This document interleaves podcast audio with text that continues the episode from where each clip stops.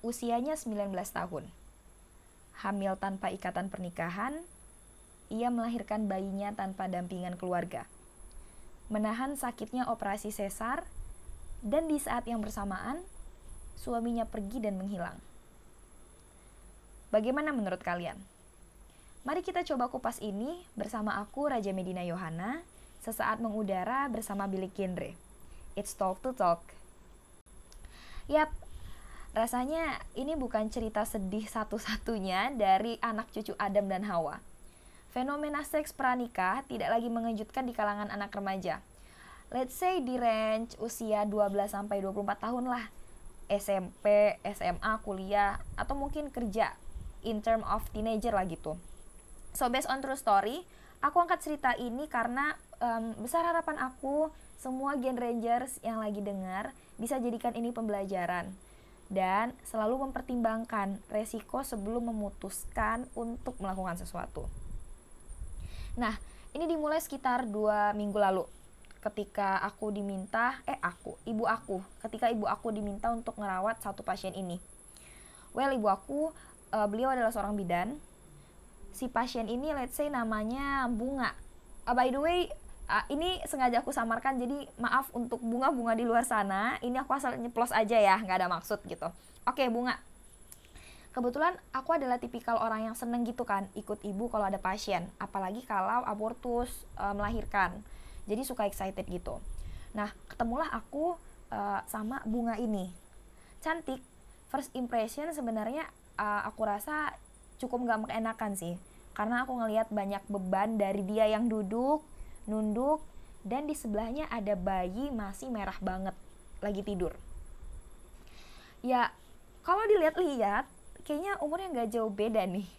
Dan ternyata benar, setelah ibu aku nanya-nanya latar belakangnya, bunga ini kelahiran 99 cuy. It means umurnya sekarang masih sekitar 21 tahun lah ya. Dan tahu apa?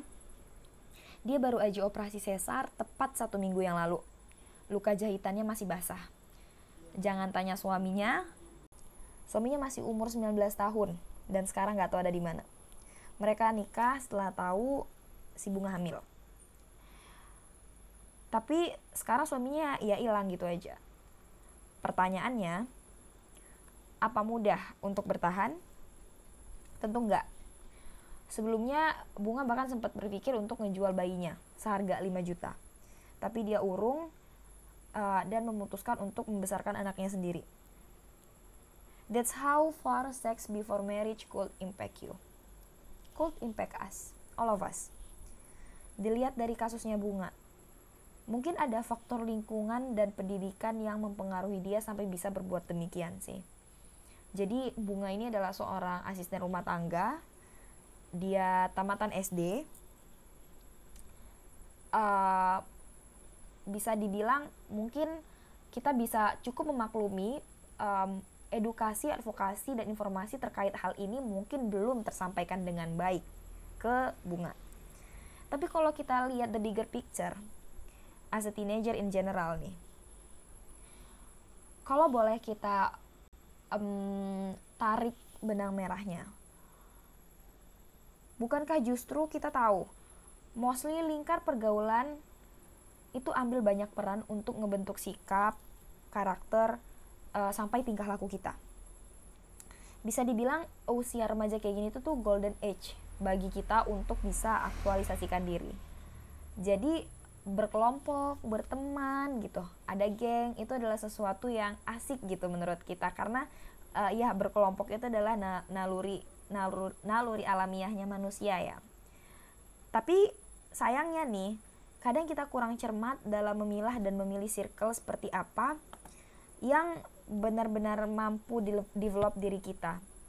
Mampu meningkatkan kualitas dan nilai diri yang ada yang yang kita punya. Ya beda circle beda standar keren lah cuy.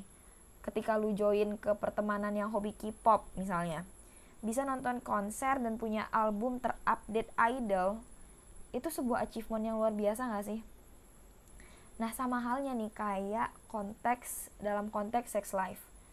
Ada lingkar pertemanan yang menganggap seks pranikah itu sebuah keniscayaan yang keren loh. Dan sayangnya kebanyakan dari kita juga nggak tahu tuh dark impact uh, dari seks pranikah itu larinya ke mana. Bisa lari ke fisik sama mental. Kayak kasusnya bunga tadi KTD kehamilan yang tidak diinginkan. Muaranya apa ketika udah ada di posisi ini pernikahan dilihat sebagai solusi untuk menghindari justifikasi masyarakat. Itu itu adalah culture yang berkembang di Indonesia dan itu memang aku aku aku percaya itu bagian dari norma kita. Lah kalau udah gitu kan repot repot cuy. Karena kesiapan membangun rumah tangga itu skupnya luas banget. Mulai dari finansial fisik pendidikan sampai psikologis. Dan the main problem is ada banyak persiapan yang bisa tidak maksimal saat kita lakukan pernikahan di usia muda FYI menurut BKKBN Badan Kependudukan dan Keluarga Berencana Nasional usia minim, minimal atau ideal untuk menikah bagi cewek-cewek itu ada di 21 tahun dan buat cowok itu ada di 25 tahun. Ketika pernikahan dilakukan di bawah usia minimal tersebut, ya bisa dikatakan uh, itu sebagai nikah muda atau early marriage. Let's think about this. Kenapa ada sampai penetapan 21 wanita dan 25 pria. Kira-kira gini, di usia segini, kita bahkan masih sering cuy, dihantuin sama yang namanya insecurity, burnout, stress, atau bahkan disenggol dikit tuh ngambek sama temen tuh berhari-hari nggak kelar-kelar. Dan kebayang gak sih kalau sampai nikah gitu di usia segini, di mana emosi belum stabil, nikah sehari ngambek balik ke rumah orang tua, kan serem. Atau dari pendidikan aja deh gitu. Menikah dan punya anak kita harus siap dengan segala rencana pendidikan anak. Bener gak sih kalau misalnya emang e, kalau misalnya punya anak? Anak kecil itu tuh curious wondering banyak gitu yang mau ditanyain. Dan ketika orang tuanya tidak punya cukup pengetahuan dan pengalaman aku rasa itu akan sedikit sulit untuk menjalankannya dan kita semua pasti tahu, setiap orang tua mau yang terbaik untuk pendidikan anaknya. Dan untuk itu, bahkan kita juga harus mengimbangi dengan kesiapan finansial yang memadai. So, cukup complicated dan komprehensif ketika kita memutuskan untuk berumah tangga.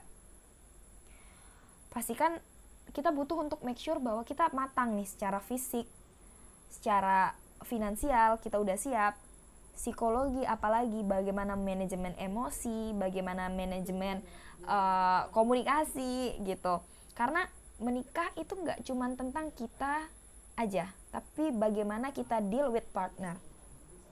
Aku pernah dengar kalau begini sebenarnya nikah itu uh, bukan menyatukan dua pikiran berbeda tapi bagaimana kita bisa menoleransi dan melihat satu titik terang ketika kita ada dua pendapat nih di depan kita. Jadi bukan berarti dua kepala ini harus nyatu, karena nggak akan ada yang bisa bener-bener nyatu gitu.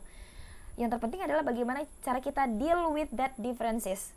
Bagaimana cara kita bisa berdamai dan menemukan jalan keluar dari dua pola pikir yang berbeda itu. Dan aku rasa nih, untuk sampai pada tahap pemikiran dan kesabaran, terus juga apa ya, kayak pemakluman gitu, mengenal partner, itu learning by doing, step by step, day by day gak sih? kita bakal belajar hal baru setiap harinya gitu. Kita akan belajar uh, sesuatu yang mungkin impact uh, cara kita berpikir gitu. Dan aku aku yakin itu belajar prosesnya nggak ada berhentinya dan aku rasa kita masih punya banyak waktu untuk bisa mempelajari itu gitu. Hingga sampai akhirnya memutuskan benar-benar menikah. Dan gak lupa ya aspek pendidikan juga. Matangkan dulu secerdas dan sejauh apa kita berpikir secara visioner bagaimana anak-anak kita nanti bisa mendapatkan pendidikan yang layak. Karena pasti semua cita-cita orang tua adalah anak itu bisa jauh lebih baik daripada diri dia. Bener gak sih? So perencanaan yang matang itu dibutuhkan banget untuk ngelewatin masa remaja masa transisi yang kayak kita sekarang ini karena for your information ada sekitar lima transisi kehidupan remaja mulai dari sekolah, kita sekolah, kemudian kita memutuskan untuk berkarir, terjun ke dunia kerja, menikah di usia ideal, hidup bermasyarakat dan menerapkan pola hidup sehat. Plek gitu. Lima transisi itu. Dan selama kita melewati lima transisi itu nggak muluk-muluk sih sebenarnya asal kita bisa tetap aware dan protek diri dari yang namanya seks pranikah, pernikahan dini, dan penyalahgunaan nafza. Karena kita perlu tahu long term impact-nya itu nggak main-main ketika kita mulai memutuskan untuk uh, mengambil langkah yang salah gitu. Kalau kata Rumi, the art of knowing is knowing what to ignore. Seni mengetahui itu adalah kita tahu apa yang harus kita abaikan. So stay away aja sama yang namanya toxic. Karena toxic itu bisa banyak rupanya cuy kan? Ke kerasa gak sih? Nggak cuma makanan cuy toxic itu. Tapi hubungan. Bahkan diri kita sendiri pikiran kita sendiri alam bawah sadar kita sendiri itu bisa jadi toxic bagi diri kita. Kalau kita nggak bisa mengelola dan manajemen apa yang kita pikirkan dengan baik. Outputnya akan buruk cara kita berkomunikasi mood kita setiap hari itu kan buruk. Kalau kita nggak bisa kontrol kalau kita nggak bisa uh, ambil kendali untuk hal itu untuk apa yang kita pikirkan gitu. Bahkan untuk itu juga kita harus sering ya detoksifikasi kejiwaan kali ya gitu. Nah itu sebenarnya dan banyakin sharing aku saranin sih banyakin sharing. Ini based on experience ya. Kalau ngobrolin soal ini itu banyakin sharing. Karena uh, believe it or not nggak semua circle itu relate atau sefrekuensi untuk ngobrolin hal-hal semacam ini. Sulit untuk belajar sendiri, tapi teman untuk sharing itu begitu membantu, sangat membantu. Karena mungkin uh, belajar belajar sendiri otodidak kadang menghasilkan output-output yang enggak uh, tervalidasi gitu informasinya. Dan percaya deh, hal semacam ini bukan lagi hal yang tabu gitu untuk diobrolin. So semangat, tetap jaga diri kalian di mana pun kalian berada. Stay positif, stay positif itu artinya bukan selalu berpikir positif, tapi aku lebih ngeliat ke arah kita mampu melihat sesuatu positif dalam setiap keadaan. So semangat Gen Rangers, tetap bikin perencanaan yang baik karena berencana itu keren. Salam genre.